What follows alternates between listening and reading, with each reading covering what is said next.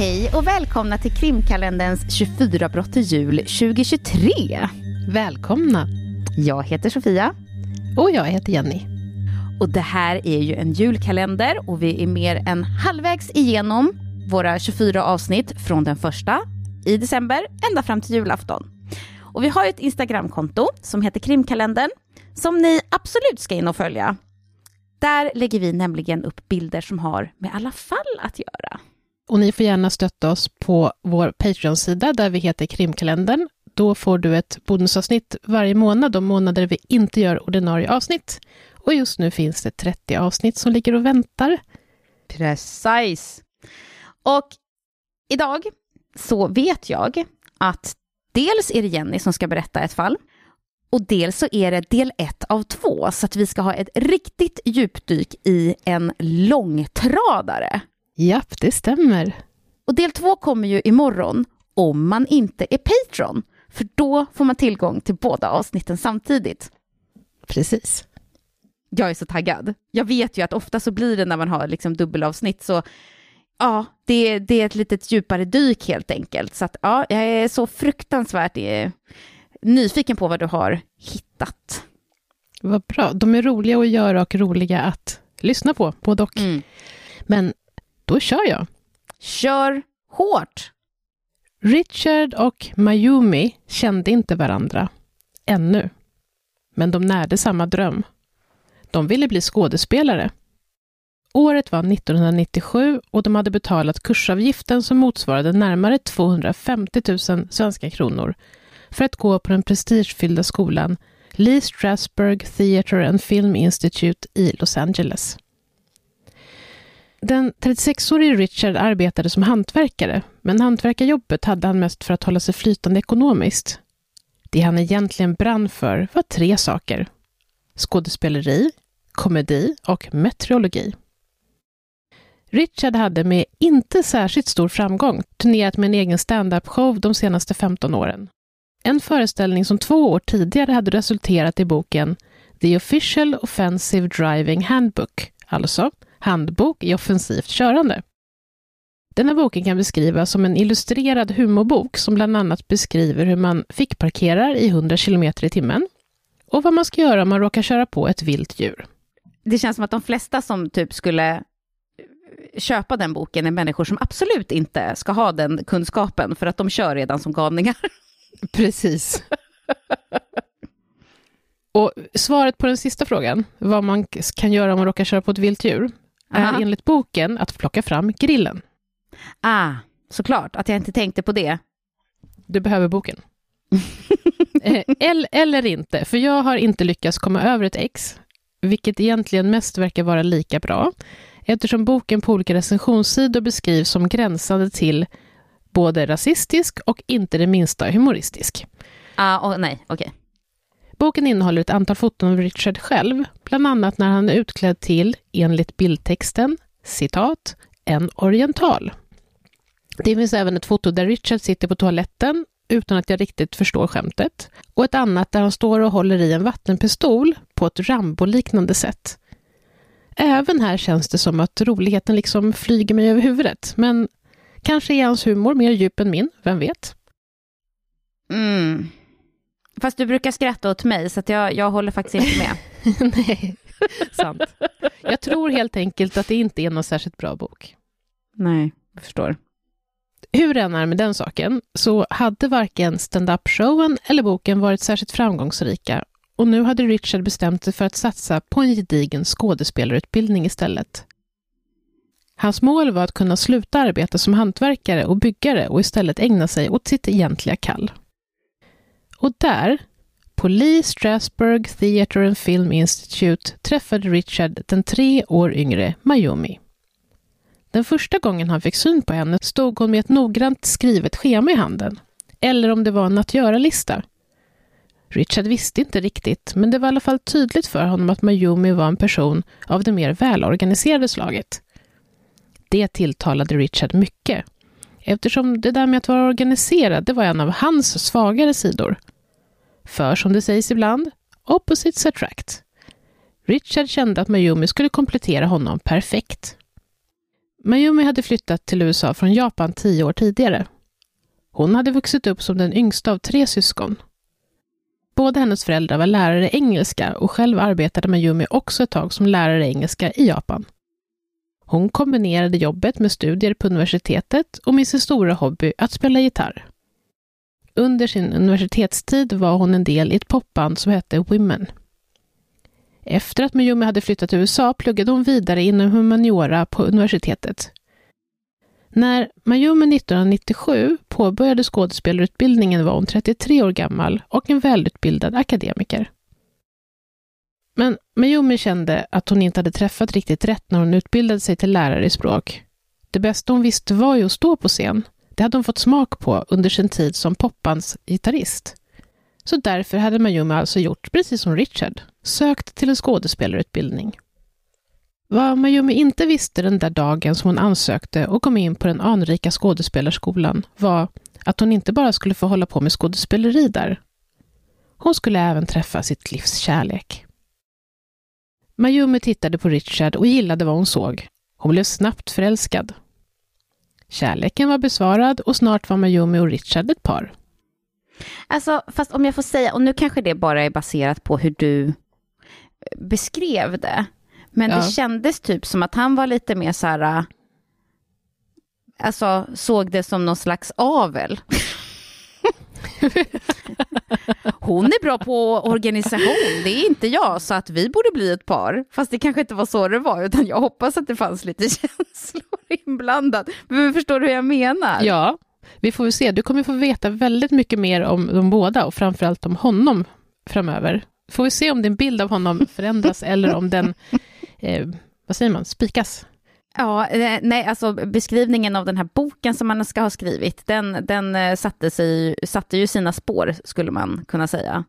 Mm. Ja, vi, vi, får se helt enkelt. vi får se. Både Mayumi och Richard var motiverade, drivna och engagerade personer. När de satsade på någonting gjorde de det helhjärtat, vare sig det gällde utbildning, arbete eller kärleksliv. Men Richard hade en förmåga att sätta käppar i hjulet för sig själv. Förutom att han var dålig på struktur och organisation hade han problem med sitt humör. Han hade alldeles för lätt att brusa upp. I april 1997, när de hade dejtat bara ett par månader, så åkte Richard fast för vandalism av den lägre graden, för att ha gjort skador på en bil och för allmänt störande av ordningen. Richard erkände sig skyldig och dömdes till 30 dagar i fängelse och två års villkorlig frigivning. Och exakt vad brottet bestod i, alltså vad han hade gjort, det visade sig vara svårt att hitta, men i källorna beskrivs Richard i alla fall som en man med ett så kallat hett temperament. Att Richard nu var en dömd brottsling avskräckte inte Mayumi. Ett knappt halvår efter domen, den 11 oktober 1997, gifte sig Mayumi med Richard i Nevada. De båda tog examen från skådespelarutbildningen och de nygifta slog sig ner i Fort Collins i Colorado. De började söka skådespelarjobb, men det gick inget vidare. Richard försökte sig på stand-up igen, men det funkade inte heller. Publiken ville helt enkelt inte skratta. Så Richard och Mayumi bestämde sig för att starta företag ihop. De kunde ju skådespeleri och även om de inte var så populära som skådespelare själva så visste de ju hur man gjorde så att säga. Och de kunde branschen.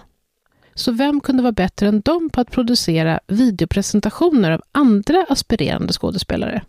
Mm -hmm, de tänker så. Precis. De I deras företag så började de erbjuda tjänster där de skapade marknadsföringsvideos av skådespelare som mm. skådespelarna mm. alltså kunde använda när de sökte olika roller. Företaget drog dock inte in särskilt mycket pengar, så Richard fick fortsätta att arbeta parallellt som hantverkare. Om Mayumi arbetade som lärare parallellt, det vet jag faktiskt inte. I det här fallet så är det Richard som tar mest plats. Så jag vet lite för lite om vad hon gjorde just nu. Mm. Richard var framåt i allt han gjorde. Dessvärre är som sagt inte så ofta framgångsrik, men framåt var han. Många beskriver honom faktiskt som väldigt pushig och lite för gåpåig i sitt driv att sälja in sig själv eller sina tjänster. Lite som en jobbig försäljare.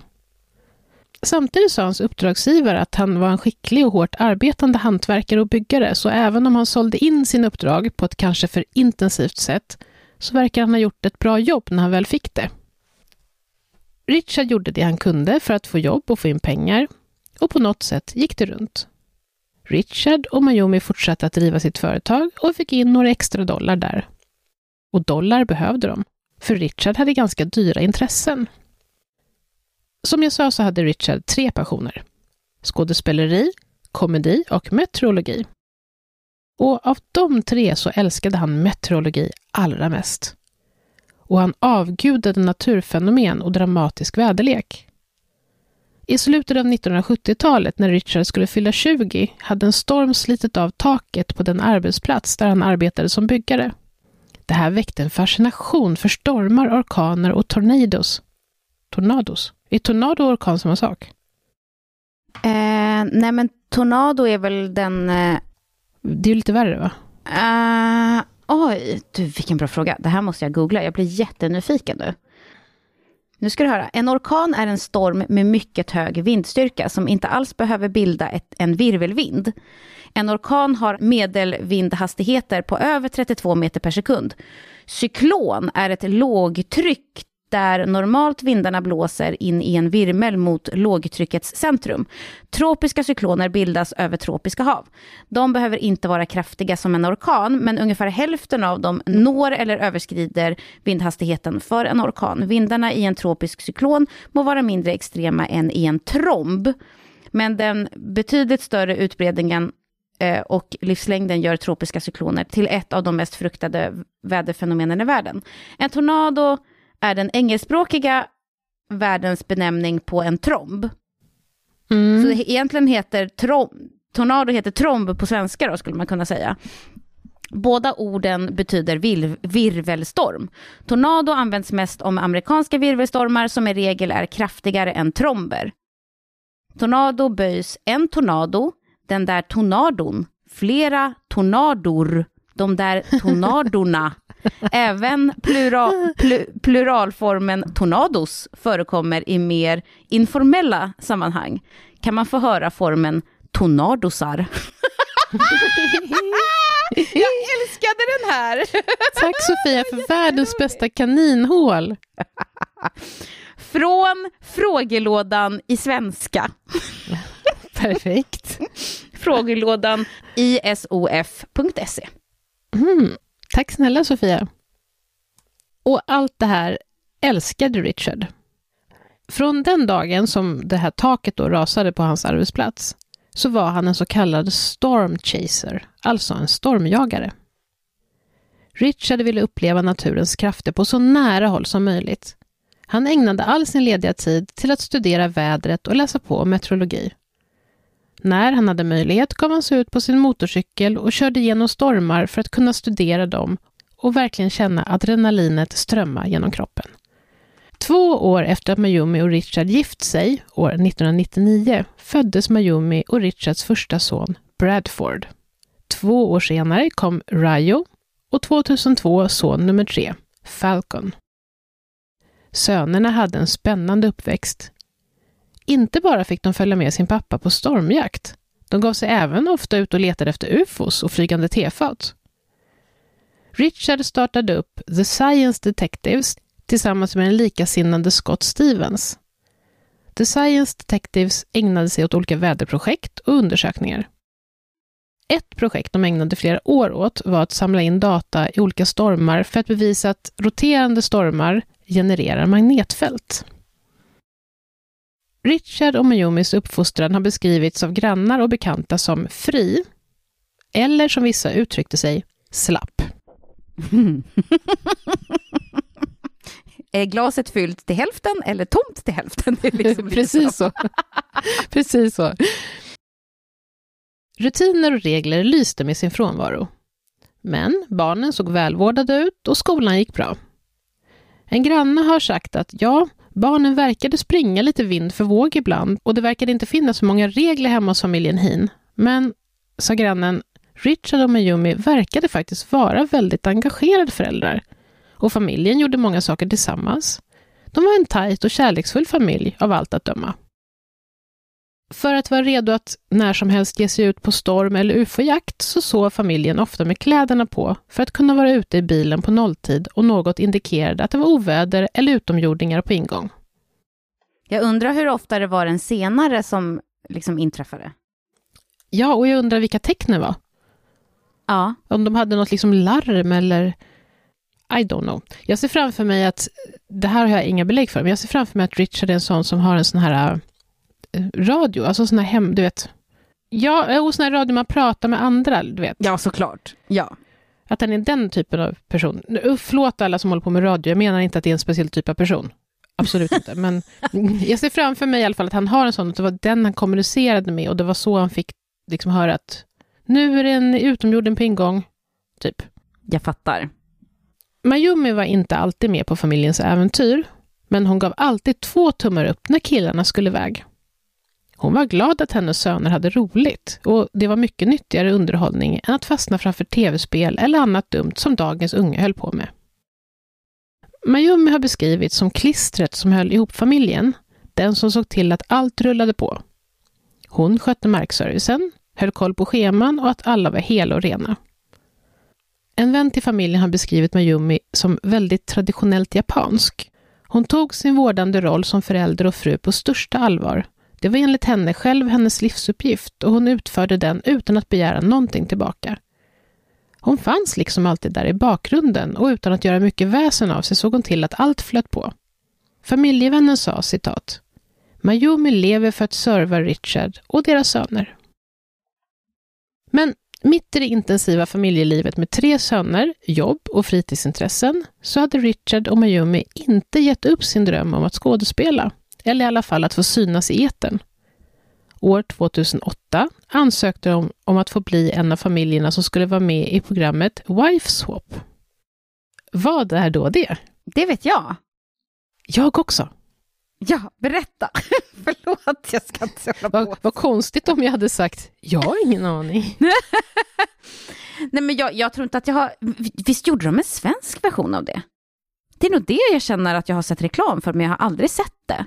Jag har inte sett något svenskt heller, men det, det, jag skulle bli förvånad om det... Jag har inte tänkt på det, men det borde finnas. Jag ska berätta det jag vet i alla fall. Ja. Det är att tv-programmet Wife Swap är från början ett brittiskt koncept som startade år 2003. I programmet byter två fruar familj med varandra under två veckor. Den ena veckan ska den så att säga nya frun leva efter familjen hon har flyttat in hos regler och den andra veckan så är det hon som sätter reglerna som familjen ska leva efter. Och såklart är det här upplägget bäddat för konflikter. USA var snabba att köpa in programidén efter att programmet startat i Storbritannien. Året efter att programmet hade startat just i Storbritannien år 2004 så släpptes det första avsnittet i USA och där skulle serien med vissa pauser hålla på ända tills det lades ner 2020. Så det höll alltså på i 16 år. Verkligen. Men i Storbritannien så lades det ner redan år 2009, så det höll inte alls på lika länge. Självklart, för att skapa bra TV, så är de två familjerna i varje avsnitt väldigt olika varandra. En djupt religiös familj får kanske byta fru med en ateistfamilj eller en slarvig hippiefamilj får byta fru med en väldigt välorganiserad familj.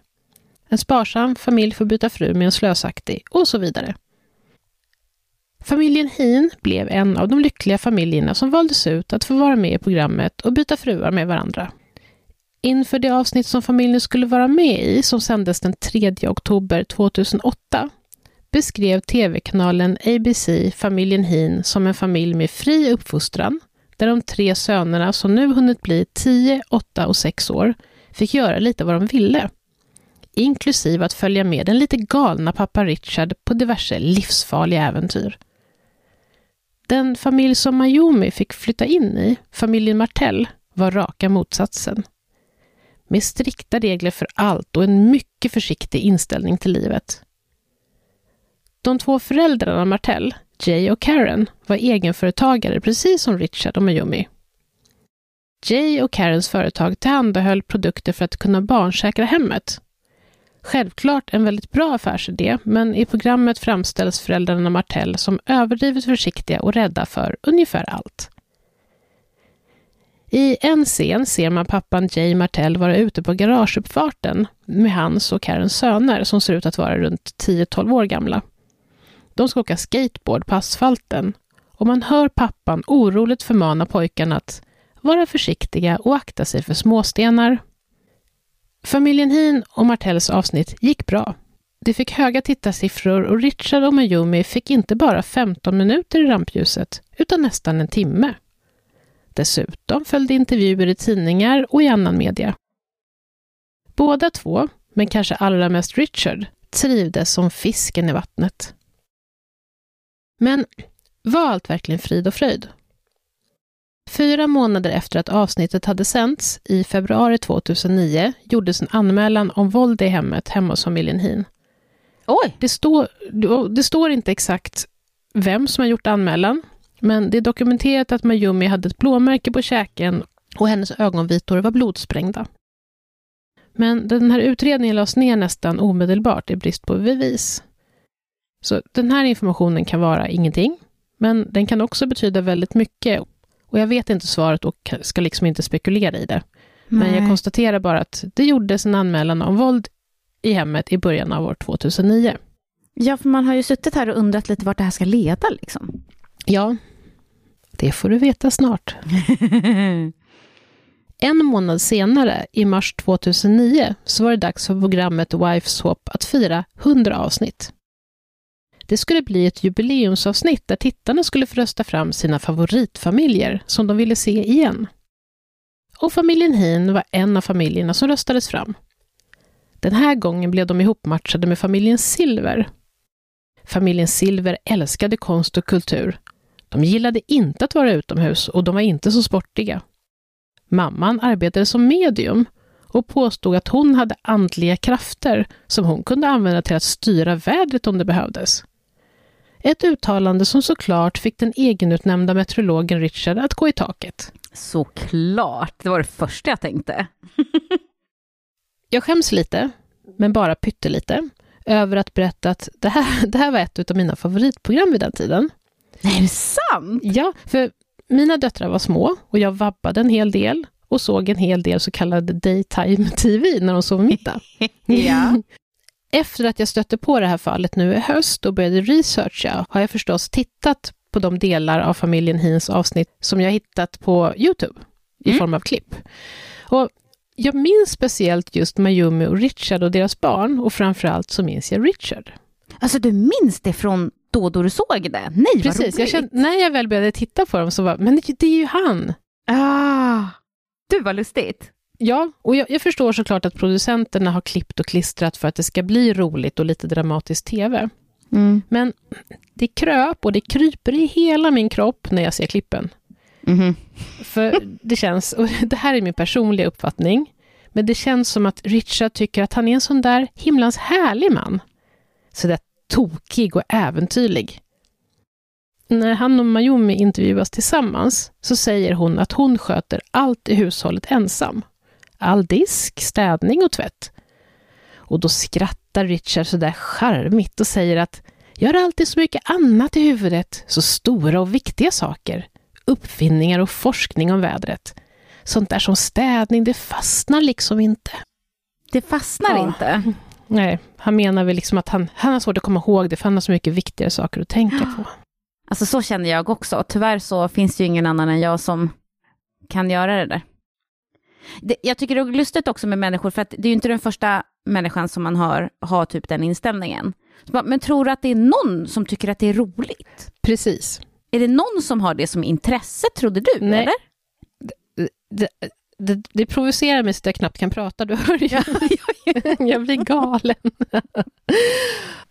ja, usch, att leva ihop med en sån människa. Men eh, Alltså det är en sak om man är själv och bara styr över sig själv, då får man göra vad man vill, men det han gör eller inte gör går ju ut över henne. Jag kan ju rekommendera en googling då på familjen Heen Wife Swap om ni vill se och höra vad jag menar. I jubileumsavsnittet av Wife Swap kan man se att Richard ägnar rätt mycket tid i sitt garage. Anledningen är att han håller på att bygga en farkost. En farkost som liknar ett flygande tefat. Syftet, berättar Richard i avsnittet, är att skapa ett flygande fordon som man kunde sända in i stormens öga, så att säga, för att den skulle kunna samla data till hans forskningsprojekt. Det flygande tefatet skulle kunna ta sig till platser där människor inte kunde vistas när det stormade för mycket. Tefatet skulle ta hans meteorologiprojekt till nya höjder. Richard sa i en intervju efter jubileumsavsnittet av Wife Swap The first time out they made me look like a madman. This time around we look like wackos. Alltså på svenska. Den första gången fick de mig att framstå som en galning, alltså i det första avsnittet. Den andra gången fick de hela familjen att framstå som helt koko. Och kanske, bara kanske, var en bidragande orsak till det här att Richard i jubileumsavsnittet av Wife Swap berättade att han trodde att människor från början var aliens som hade kommit till jorden. Aliens som sen liksom evolutionerats till människor. Mm -hmm. Vem vet? Det framgår inte heller om Richard tyckte att det var negativt att familjen framstod som, som han uttryckte det, koko. Kanske såg han det som någonting positivt, eller så spelar det ingen roll för honom. Han var nöjd bara att han fick synas i tv. Man får lätt bilden av att Richard är en man som har huvudet bland molnen. En drömmare. En man som gillar att stå i rampljuset utan att ha särskilt mycket att komma med egentligen. Men det är inte helt med sanningen överensstämmande. För vad man än tycker eller tror om hans forskning och projekt så var Richard påläst och kunnig. Han hade inte pluggat på universitetet, men han hade så djupa kunskaper att han fick artiklar om meteorologi och väder publicerade i olika ansedda tidningar runt om i landet. Mm -hmm. Alltså, det kanske låter fördomsfullt, men eller det, det förväntar jag mig typ inte. Inte jag heller.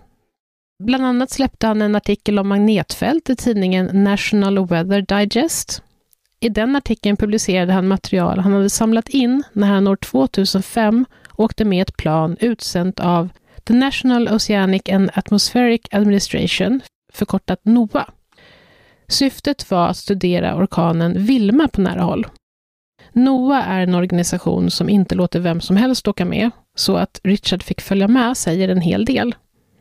Richard skrev även regelbundet artiklar i dagstidningen Denver Post. Richard kände nu efter uppmärksamheten familjen fått efter jubileumsavsnittet av Wife Swap att han ville smida medan järnet var varmt.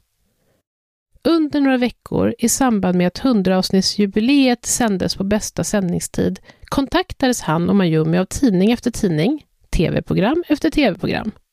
Den lite annorlunda, äventyrliga och lite knasiga familjen Hin var hett villebråd för media. Nu hade Richard sin stora chans. En chans som kanske aldrig skulle komma tillbaka igen. Richard kontaktade tv-kanalen som producerade Wife Swap och pitchade sitt och vännen Scott Stevens projekt The Science Detectives, som Richard arbetat om till ett slags familjeprogram.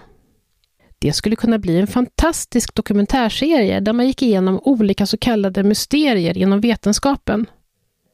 TV-kanalen blev intresserad. De visste ju redan att Richard och hans familj liksom gick genom rutan. Richard fick komma på ett möte och sen ett till. I april 2009 skrev Richard och Mayumi på en option att göra en serie som skulle handla om de olika projekt som Richard genomförde tillsammans med sin familj.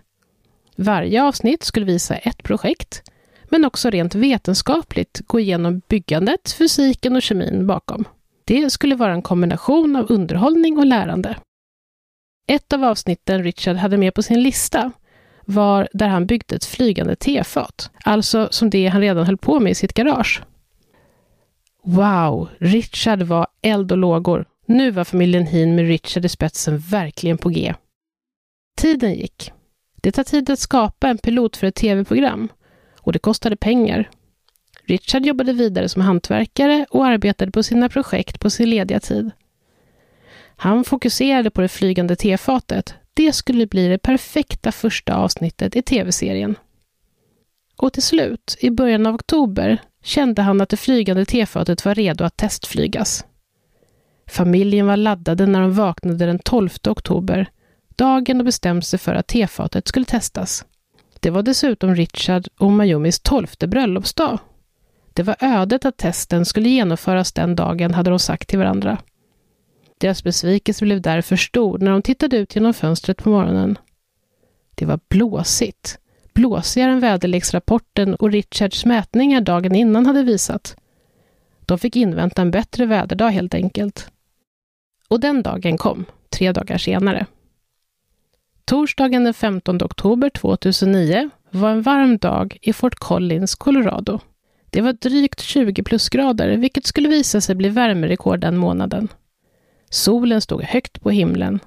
Meteorologerna meddelade att det inte fanns någon risk för varken regn eller stormar. Dagen rullade på som vilken annan dag som helst. Skola i några timmar för pojkarna Hin, forskning för pappa Richard och hushållsarbete för mamma Mayumi. Vid lunchtid var det dags att testa tefatet. Projektet som kanske skulle förändra deras framtid för alltid. Richard hade ju initialt tänkt sig att använda tefatet till att utföra olika tester i samband med stormar. Men han hade börjat inse att de potentiella användningsområdena var många fler än så. Till exempel så skulle man kunna använda tefatet till transport. Tänk, ett fordon som man kan ha i garaget och ta till jobbet varje dag. Men mm. slippa köerna i biltrafiken. Det här tefatet skulle kunna massproduceras billigt, det var driftsnålt och var enkelt att både landa, parkera och gick att förvara nästan var som helst. Richard tänkte att efter att de hade genomfört en lyckad test av tefatet så skulle han kunna producera flera tefat som man sen skulle kunna antingen sälja till olika företag eller typ få sponsrade av olika företag. Sen skulle han skapa någon typ av flygtävling där de här skulle tävla mot varandra och på det sättet få uppmärksamhet och gratis marknadsföring. Och efter det så skulle han dra igång ett företag med fullskalig produktion. Den flygande prototypfarkosten i familjen Hins garage var 6,1 meter i diameter. Oj! Hur stort är garaget? Jag vet inte, det kanske är ett dubbelgarage tänker jag. Ja, det måste ju vara det. Det var brett, men det var inte så högt. Det var bara 1,5 meter högt på den högsta punkten. Gå in på Krimkalenders Instagram så får ni se hur det ser ut. I mitt tycke så är den rätt lik schablonbilden av hur ett flygande tefat ser ut. Silverfärgad såklart, och med en upphöjd mitt som en slags styrpulpet i center. Och den här styrpulpeten bestod i en liten låda gjord av plywood och kartong som var sammanfogad med silvertejp och snöre. Tefatets hölje var byggt av 16 pajformade bitar av plastpresenning. Bitarna var ihoptejpade med silvertejp. Mm. Man undrar om det här kommer kunna flyga, eller hur? Nej, men jag gillar också att du, för att du har precis liksom presenterat hans plan om att det här ska massproduceras och så bara ja. silvertejp. silvertejp, ja. Och över hela konstruktionen så hade Richard limmat fast ett lager av aluminiumfolie. Allt hölls ihop med snören och ännu mer silvertejp. För att farkosten skulle kunna flyga behövdes någon slags gas, i det här fallet helium. Heliumet fylldes i fem stora mjuka plastdunkar inuti tefatet. Fullt utfyllt blev mängden heliumgas som behövdes 28 kubikmeter. Alltså, jag måste ändå dra en anekdot. Ett av mina första sjömansjobb när jag var nyutbildad var på ett fartyg eh, och jag var jättegrön och kände bara så här, du vet, var korvstoppad med massa ny information när jag hade fått en ny liksom, kärlek för havet och var så taggad. Men jag var fortfarande som liksom, eh, fisken på land ungefär. Och på det här fartyget så bara, ja ah, men eh, det där kan vi fixa, det är lätt att fixa med lite Jesus-tejp. Jag bara, vad då för något? De bara, Jesus-tejp. Jag bara, aha, vad är det? De bara, nej, men de kallade silvertejp för det, för det gör mirakel. Och jag, och jag menar, eh, uppenbarligen då, med tanke på att du berättar om att det är liksom ett... Ja, nu vet vi ju inte om det funkar, men ett fly, en flygande farkost liksom. Vad lustigt, vilket bra namn. Jag tänkte att det kanske var liksom, att det hette så på danska, för att... Att det här var faktiskt i Finland. I Finland, ah. Hmm. Jag förstår. Jag har jobbat lite överallt. Ja, du har ju det. Men den här mängden eh, helium 28 kubikmeter är en rätt liten mängd om man räknar till bärkraft. Att flyga det här tefatet på en nivå av havsytan skulle innebära att tefatet skulle kunna ha en last på max 29 kilo. Eller ha en passagerare då som vägde 29 kilo. Enligt ja. Richards beräkningar. Och om ballongen skulle kunna lyfta till 2400 meter så skulle personen eller packningen högst kunna väga 22 kilo. Så det där med att ta sig till jobbet med sitt egna tefat skulle alltså kräva en större konstruktion än den här på 6,1 meter i diameter. Alternativt att den innehöll en mer potent flyggas än helium. Ja, men det känns också bara som att så här, det är ett extremt stort fordon, och, men det krävs en, en väldigt stor storlek på det liksom, för att det överhuvudtaget ja. ska funka. Visst, för en person ska man komma ihåg också. Ja, precis. Ska man, ska man skjutsa barnet till skolan, då behövs den jätte, jättestor. ah. Klockan var strax innan tolv på dagen när det var dags för tefatets jungfrufärd. Det silverglänsande fordonet hade lyfts ut från garaget och förankrats på tomten utanför familjen Hins villa. Richard hade satt upp sin filmkamera på ett stativ och tryckt på record. Familjen räknade ner. Tre, två, ett. Sen släppte Richard förtöjningarna och tefatet steg långsamt till väders. Familjen hurrade högt. De hade lyckats. Exakt hur det var tänkt att det här skulle gå till, hur högt, hur långt och hur länge som Richard hade planerat att farkosten skulle flyga förtäljer inte historien. Men... Man, man, kan tänka att man kanske måste begära tillstånd eller någonting Just innan man måste iväg ett flygande tefat. Och det hade Richard inte gjort. Det Richard i alla fall har sagt efteråt är att det flög lite högre och längre än vad han hade planerat. Mm. Inte hela världen kanske, även om Richard var orolig för att tefatet skulle komma till skada under sin färd. Han hade ju trots allt lagt ner massor med tid och pengar på den, men tefatet var fyllt med helium och det skulle förbrukas under färdens gång. Så tids nog skulle den ju landa. Det var dock en risk att den skulle ta skada på sin färd eller landa på en olämplig plats. Men troligen skulle den ta mark väldigt långsamt, så om det skulle vara i närheten av eventuell biltrafik eller något annat farligt så skulle bilarna hinna stanna och väja. Så ingen ko på isen. Richard och Mayomi tittade på tefatet och på varandra när det långsamt gled iväg bort från dem. Högre och högre. De hade lyckats. Deras framtid var säkrad. Men inom bara ett par minuter förvandlades spänningen till skräck. Mayumi såg plötsligt att alla i familjen inte var där. Vilket var märkligt med tanke på hur taggade alla hade varit att vara med när farkosten skulle ut på sin första färd. Men vad var Falcon? De såg sig omkring. Där var Richard, Mayumi, Bradford och Rayo. Men vad var deras yngsta son? De ropade och letade överallt. Han kanske vägde någonstans där mellan 22 och 26 kilo, vem vet? Kanske. Men de tänkte först att han hade kanske sprungit in i huset direkt som farkosten hade lyft. Men de hittade honom ingenstans. Och då sa plötsligt Bradford att han hade sett Falcon kika in i tefatet precis innan det lyfte. Kanske hade han krupit in. Falcon hade lekt inne i tefatet tidigare den dagen och Richard hade skällt på honom hade verkligen Falcon vågat trotsa reglerna igen? Det verkade konstigt. Men faktum kvarstod. De hittade inte Falcon. Inte någonstans. Richard och Mayomi tittade på varandra. Det här var katastrof. Den sexåriga Falcon var inne i tefatet som nu svävade flera hundra meter upp i luften. Och det var slutet på del 1 om familjen Hum. Du, vad intressant. Jag vill bli, jag vill bli Patreon nu så att jag får höra. Ja, precis. Och vi vet fortfarande inte vad brottet är. Mm. Du, vilket annorlunda fall. Ja. Jag vet inte vart det här ska liksom landa någonstans. Nej. No pun intended. Nej. Men det kommer du och alla patrons få veta snart, för nu ska vi spela in avsnitt två. Ja, och för er andra så är ni ju välkomna tillbaka imorgon. Ja. Du, vad härligt. Jag hoppas det. Vi får se. Ja. Var, vi får se var det landar, som sagt. Vi hörs igen imorgon. Ha det bra tills dess. Hej då. Hej då.